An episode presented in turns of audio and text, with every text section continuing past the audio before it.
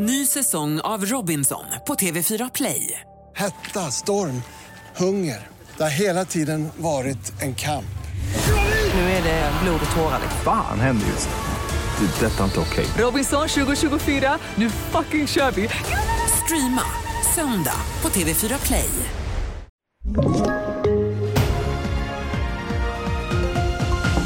NATO-samtalen har återupptagits. Halkigt i väst och gripanden efter sushi-terror handlar om i TV4-nyheterna. Vi börjar med det misstänkta dubbelmordet i Luleå där en man och en kvinna hittades döda i en villa i morse. En man har blivit gripen och enligt uppgifter i TV4-nyheterna är han 19 år gammal och ska ha gått till attack med kniv. Han och offren är släkt med varandra uppger polisen. Vi hör Irene Granberg som bor i området. Ja, först och främst så hörde jag att det vrålade och skrek här utanför men jag såg ingenting då.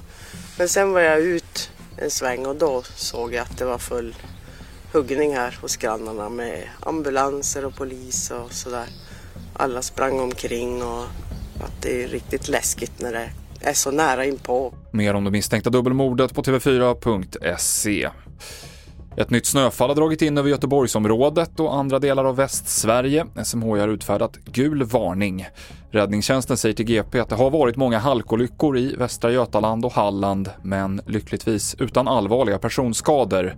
Västtrafik har dragit in flera busslinjer på grund av halkan.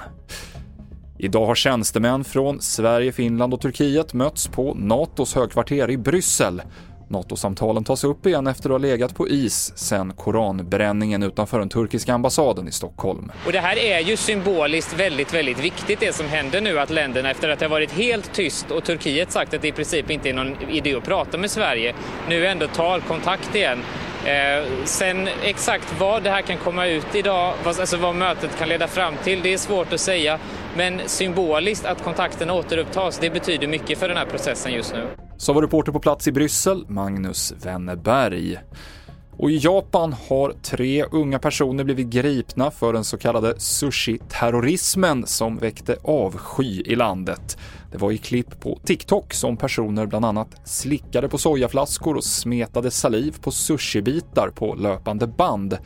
En kedja slutade helt med den typen av servering efter att man hittat en cigarettfimp i en burk med ingefära. Det här rapporterar BBC.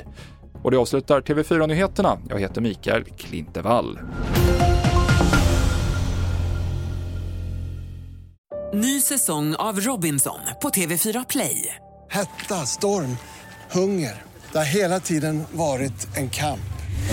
Nu är det blod och tårar. Fan händer just nu. Det. är Detta är inte okej. Robinson 2024, nu fucking kör vi!